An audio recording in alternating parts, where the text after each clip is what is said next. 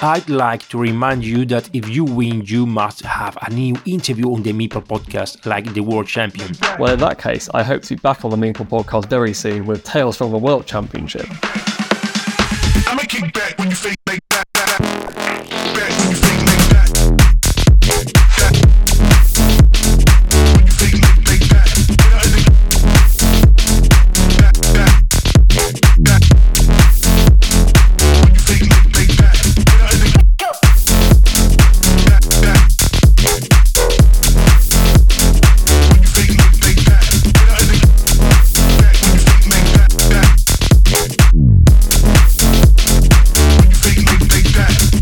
Promise is a promise. Today on Meeple Podcast, we welcome the new Carcassonne World Champion, and we do it with the same theme song with which we said goodbye to him in his previous appearance on the channel. Hello, Matt. A promise is a promise. Hello, Joaquin, and to the listeners of Meeple Podcast. Congratulations to you, not only for winning the tournament, but for being the best position of a British player in the history of the Carcassonne World Championships. Thank you. I'm recording this over a week after the tournament, and I'm still smiling from it all. To be able to call myself a world champion is special, particularly when I know how hard the competition is. To be the first British winner makes it even more special. I hope more Brits go on to win the title, but it's nice that I can always say that I was the first. You told us in your pre World Cup interview that you had faced Alexei several times, but always with positive results for you. It's happened again. You are his bête noire. I know, I can't quite believe it. I'm not sure how Alexei truly feels about me. But I have a lot of respect for Alexei. He really is a fantastic Carcassonne player, and with a bit more luck, he could have won the final. Interestingly, Alexei contacted me a couple of weeks before the tournament to suggest we met up for some face to face practice. We ended up meeting in my town of Watford on the Sunday before the tournament. We had a good chat about all things Carcassonne and played three games. Alexei won the first by a point, I won the second after taking some risks that paid off, and the third was a bit one sided as Alexei had a great start with good tiles. I found it so strange to think that on Sunday the 1st of October, we had met up in my local board game cafe with no one knowing who we were, and yet six days later we were playing each other again, but this time in the World Championship final, with everyone looking at us and so much at stake. Having taken Alexei on in the UK Championship and got the better of him on that day, I thought my run would surely come to an end soon. It sort of did, in that he got a win over, over me in round 5, but thankfully, for me, I was able to win the final when it really matters. It's harsh on, Alexei in some ways, as him and I ended the tournament with identical records. Seven wins each, one loss each, against each other. I must say that Alexei was very gracious in defeat and would have been a worthy champion himself. I'm confident his time will come one day. It's anecdotal, but whoever remains undefeated during the first phase, I mean the Swiss system stage, never wins the competition. Yes, looking back at recent results, it does seem to be the case. However, I did notice that actually all of the other knockout games this year saw the higher ranked player win. Seeds 1 to 4 made it to the semi finals, and 1 and 2 made it to the final. It was only the final where an upset happened. Curiously, Alfonso Arroyo, one of the Spanish representatives, finally ranked in seventh position, also the best place for a Spanish player, but she only lost in the first phase with Alexei, just like you, and was eliminated from the tournament only by the reigning champion. Oh, I didn't realise that was the best result for a Spanish player, so congratulations to Alfonso. She can go away proud, having only lost to the finalists. I don't think it'll be too long before we see a Spanish player making the top four of a World Championship. There are a lot of keen players from Spain. Tell us a bit about your experience at the tournament, the encounter with all the players from all over the world, the organization, Spielezentrum, the meeting with the author of the game, Klaus Jürgen Wrede, and of course the games. Okay, this is several questions in one, so strap yourselves in for a long answer. I'll start by saying that I was blown away at the friendliness and kindness of the other players. Many had little gifts of tiles, meeple, and of other souvenirs. With it being my first experience at the World Championship, I hadn't thought to bring any gifts along, but I'll be sure to do so next year. I can genuinely say every player I met was a nice person. As for meeting Klaus Jürgen Wrede, he did not disappoint. He had so much time for all of the players, was happy to sign anything, and was such a warm and friendly person. During the pandemic, I had my 30th birthday, and my girlfriend decided to get all of my friends and family to record videos for me. She asked Dan Chard, the UK captain, if he could arrange for all of my UK teammates, who I hadn't met any of, to do videos too, and they gladly obliged. Dan went the extra mile and contacted Klaus Jürgen Wrede, asking him if he would mind doing a video for me, which he did. KJW remembered that he did this video two and a half years ago and was uh, delighted to finally meet me. As for Spielezentrum, in general I was really impressed. The venue in Herne was wonderful, and so much thought had been put into everything, with goodie bags for every player and a professional streaming setup, apparently for the first time. The actual tournament itself was good.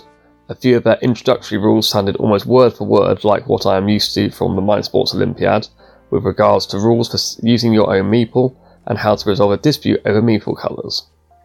However, there was a bit of a hiccup at the start of round two, where we had started our games, when the organisers realised that they had had an incorrect result entered from round one. We were all told to pause our games whilst they tried to rectify the results and did a redraw. I wasn't impressed at the idea of having to abandon a started game, and I was slightly ahead in this, although we were only about 10 tiles in. But I felt horrified for the other players who had made further progress. Some games must have been at least halfway through. Fortunately, the redraw gave the same pairings for the top tables, and we were able to continue our games, although it was quite a disruption. The organisers should have been able to just swap the pairings of the affected tables and not interrupted everyone's games because of an administrative error but I'll conclude by thanking Thomas Moder for the wonderful job he did in overall. He had clearly put a lot of energy into the day, and it was great to meet him after numerous emails. And then onto the tournament itself, which I'll preface with an apology for any mispronounced names of my opponents. I didn't have the easiest of draws, and started against the strong Lithuanian player Andreas Svarbas. It was a game I was behind him for a long time. In the end, the decision on when to use our last meeples was critical, I was able to take a 9 point farm which Andreas had previously turned down, and it proved decisive. Round 2 was against Nuno Torres for Portugal, who was 4th in 2021 and made the quarterfinals this year. I got quite lucky here. Nuno had three meeple waiting on a triple city with field tile. He just needed to drop it in to win a medium sized city 2 to 1 and release a cloister of his. I was able to counter this by drawing all four of the triple city with field tiles. I was up against Italy's Giulio Tomau for round three, and here my luck continued, but in a different way. It felt like every tile I drew was excellent. Three cloisters near the start, and any time a meeple seemed to be in danger, I'd quickly draw the right tile. Even at the end, I was winning all the coin flips as well. There was absolutely nothing Giulio could have done, and I won by 51 points. Credit to Giulio for being very sporting about it all. I would have found it quite frustrating being in his position. I then made it to the streaming table for round 4 against defending champion Arpad Gere from Romania. Here, I, think I played one of my best games of the tournament. It was a tight game, and I only won by 2 points after surviving Arpad's late steal of a 15 point farm. This made me one of three players with 4 wins out of 4, and I was guaranteed a place in the knockout stage before playing the fifth round, which was against Alexei, of course. Here, the game had a couple of medium sized cities available to try and steal, and I decided that I was okay with gambling on trying to win one of these outright. I basically made the game come down to if I could steal this city, which was also on my cloister. However, no sooner had I set this up than Alexei was able to draw the right tiles to attack and kill, whilst my tiles weren't able to help me defend in any way. It was a shame, but I didn't want to invest all my energy into trying to figure out the perfect play when there were bigger games ahead. My quarterfinal was against Alfonso, who we previously mentioned. She was threatening to win a sizable city and just needed two tiles to close it off for what would have been a decisive advantage. I drew well at this moment to draw a splitter tile quickly to enable me to neutralise this threat and to try and share back on. Alfonso was able to prevent me from connecting by killing the city and gave herself an 11 point advantage out of that battle. I scored well from two cloisters in the second half of the game, which I didn't complete, but Alfonso spent a lot of time trying to block, and I managed to complete a medium sized city of my own right at the end, which ensured my progress to the semi final, although I may have had it anyway. For the, the semi final, I was up against the Dutch player Patrick Beckenert. We got a lot of meeples tangled up but neutralised in city fights so we're never going to complete or amount to anything. I think it was three meeples each early on and four by the end. I did, however, make crucial progress by winning the only notable city that did complete in the mid game. I thought this might put me well ahead, but realised it merely gave me a small advantage, as Patrick had scored better from a cloister and some roads. I took the 9 point farm when completing that city, and then also opted to farm on the other side. I knew Patrick would if I didn't, but there was a risk that these two farms could join and I may find myself over farming, but it would, require some effort from Patrick to merge the farms. The farms didn't increase, and Patrick decided to attempt to merge them together. This was a crucial mistake, as it inadvertently set me up to kill a small city of his. I think I played my best endgame of the tournament in this game, killing Patrick's road meeple, calculating his farm merge attempts weren't going to work out, and being extremely patient as my tiles didn't allow me to score much, but knowing that I had a small lead and not giving Patrick a way back into the game. It was the same treatment that I gave Alexi in the semi final of the UK Championship, and it was a bit of a shame this game wasn't streamed, but I did get some compliments from Patrick and other spectators afterwards. Before the final, I made sure to take myself off and give myself a bit of time with my girlfriend Sam away from everyone else. I must give a big thank you to her for coming with me to Germany and supporting me all the way through. I called her my Carcassonne caddy, as she was constantly taking photos and videos and always had a supply of snacks and drinks. It really gave me less to think about. The final itself started okay until Alexi set up a chance to complete a reasonable sized city fairly early. He just needed any kind of triple city tile, and if he could complete this city, it would be very hard to make a comeback.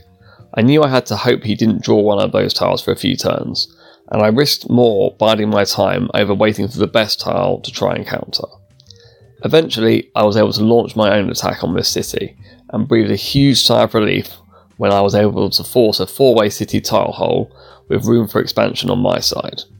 The threat was neutralised, and I was actually ahead now, Alexi went meepleless for a period in the mid game. He had to wait far longer than average to draw a meeple releasing tile, and in that time I was able to build up a lead. The thought crossed my mind that it was going rather well for me at this point, but then, with one meeple left, I made a mistake. I committed my last meeple to a city that required a Dorito tile to complete. Alexi's face was instantly one of, Why have you done that? And to my horror, I realised that I miscounted the Dorito tiles. Somehow I thought there were two left, but they were all out. There was a splitter tile and a chance to complete with a triple city and a cap, but I had given myself little hope of getting a meeple back for, for the remainder of the game. At this point, I became a bit panicked, and I think some other inaccurate moves followed. As the game got into the final stages, I worked out I still had a decent lead, but needed Alexi to not score big from his last few tiles. When Alexi got the four way city tile on his penultimate turn, I knew it had become very close, and was now even more of a mess of panic. I didn't have the points precisely worked out, but it was largely irrelevant for my moves as I didn't have a meeple anyway. I managed to compose myself for some final tile counting to ensure I wasn't blundering anything else at the end, but as the game finished, I didn't know for sure who had won. Marion was instantly patting me on the back, and Alexi was saying I'd won by two points, but I wanted to ensure we had it all confirmed on the scoreboard before I could celebrate. When it was all added up, genuinely my first thought was, I hope no one finds another city on Alexi's farm.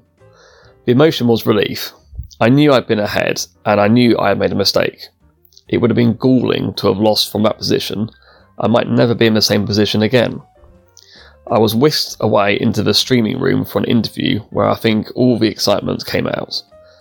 After the presentation, we then headed to a nearby pub with most of the players, and I did a lot of photos and got the chance to talk with some more of the players. It really was nice to have that social element afterwards. Matt, you are already part of Carcassonne history, UK champion and world champion. What is your next challenge? I'm not sure to be honest. Winning the Carcassonne World Championship is hard. Only 13 people have done that. But defending the title is even harder, only Ralph Querfurth has managed it, so that really would be an achievement. Otherwise, the Mind Sports Olympiad's Pentamind World Championship is the other holy grail to aim for in board games. It'll be tricky as I'm going to be involved in the organisation for the foreseeable future, but it's definitely possible with a bit of luck. Never before on Meeple Podcast we have the same guest in less than a month. Congratulations! Although it was quite probable because I interviewed 27 players of the 42 players taking part in this international event. You did a great job. I need to go back and listen to the other interviews you did. I listened to my one whilst waiting in the airport on my way to Germany. Matt Tucker, you have made history. Thanks for coming back to the channel. I hope we'll meet next year because I'm planning to go to Germany in 2024 and you must be there defending the title. Oh, brilliant. Well, I will definitely be there in 2024, so it'll be great to meet you. A Carcassonne here to all the audience. See you in the next episode.